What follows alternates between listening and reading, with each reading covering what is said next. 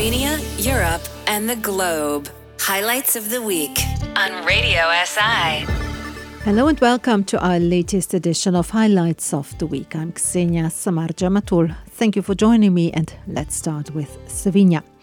President Borut Pahor launched three days of consultations with deputy group heads on the way forward following the resignation of Prime Minister Marjan Šarec.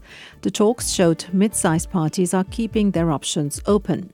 The president said he might call another series of talks by the end of the month. NKBM, Slovenia's second largest bank, formally completed its takeover of Abanka by transferring the 444 million euros purchase consideration to the state. The two banks will be merged into a single legal entity this year. The European Union set out new criteria for adding new countries in a move made more urgent by the recent French and Dutch objections to open enlargement talks with two Western Balkan nations. The purpose of today's proposal is, according to the EU Enlargement Commissioner Oliver Varhelyi, the purpose of today's proposal is to re establish a credible EU perspective uh, for the Western Balkans and to make it very clear that uh, for the Commission and for uh, the EU as a whole, it is a top priority to have stability, peace, and prosperity in our region and in that, of course, uh, enlargement uh, is a key political project. North Macedonia and Albania were meant to be approved to start membership talks late last year, but member states, especially France, insisted on revamping the enlargement system first. And this week was not a good week for Turkey.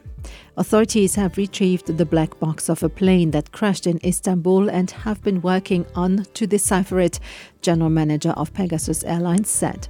The Pegasus Airlines plane flying into Istanbul's airport skidded off the end of a wet runway and broke into three pieces after landing, killing three people and injuring 179. And the number of people killed after a pair of avalanches in eastern Turkey climbed to 41 on Thursday.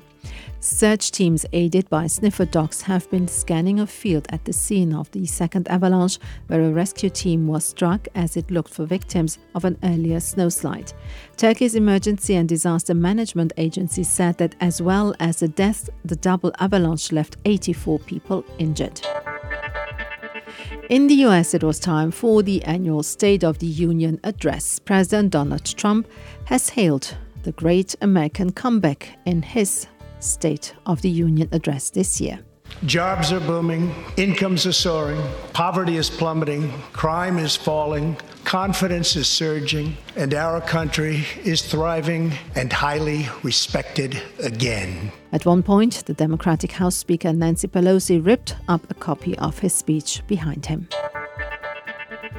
And going back to Slovenia, cyclist Primoz Roglic, winner of the Tour of Spain and world champion Kajaker Eva Terčelj, are the winners of the Bloudek Prizes for Sporting Achievements, the highest national awards for current and lifetime success in sports.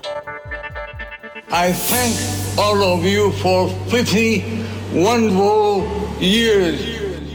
And this was actor Kirk Douglas, whose Hollywood career spanned seven decades he died this week at the age of 103.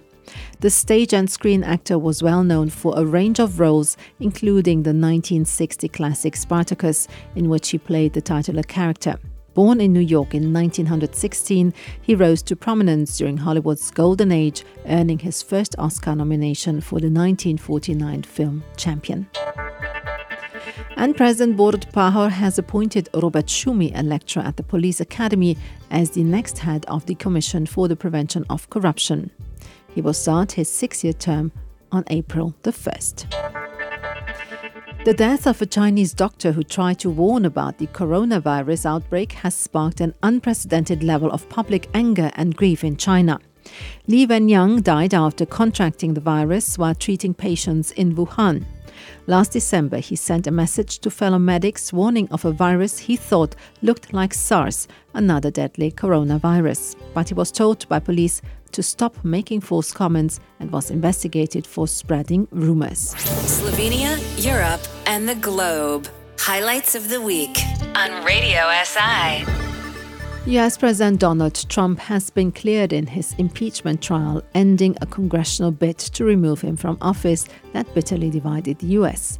The Senate, run by the president's fellow Republicans, voted to acquit him 52 to 48 on charges of abuse of power and 53 to 47 on obstruction of Congress.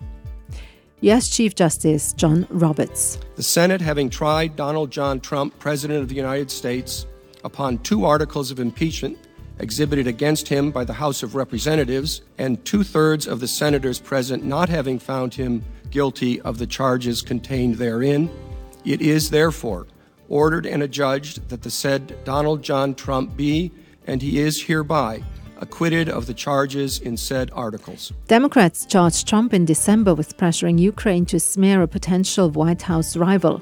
He will become the first impeached president to seek re election. If convicted on either charge, Trump would have had to turn over his office to Vice President Mike Pence. But the impeachment trial was not the only story people focused on this week. Pete Buttigieg now narrowly won Iowa's Democratic presidential caucuses.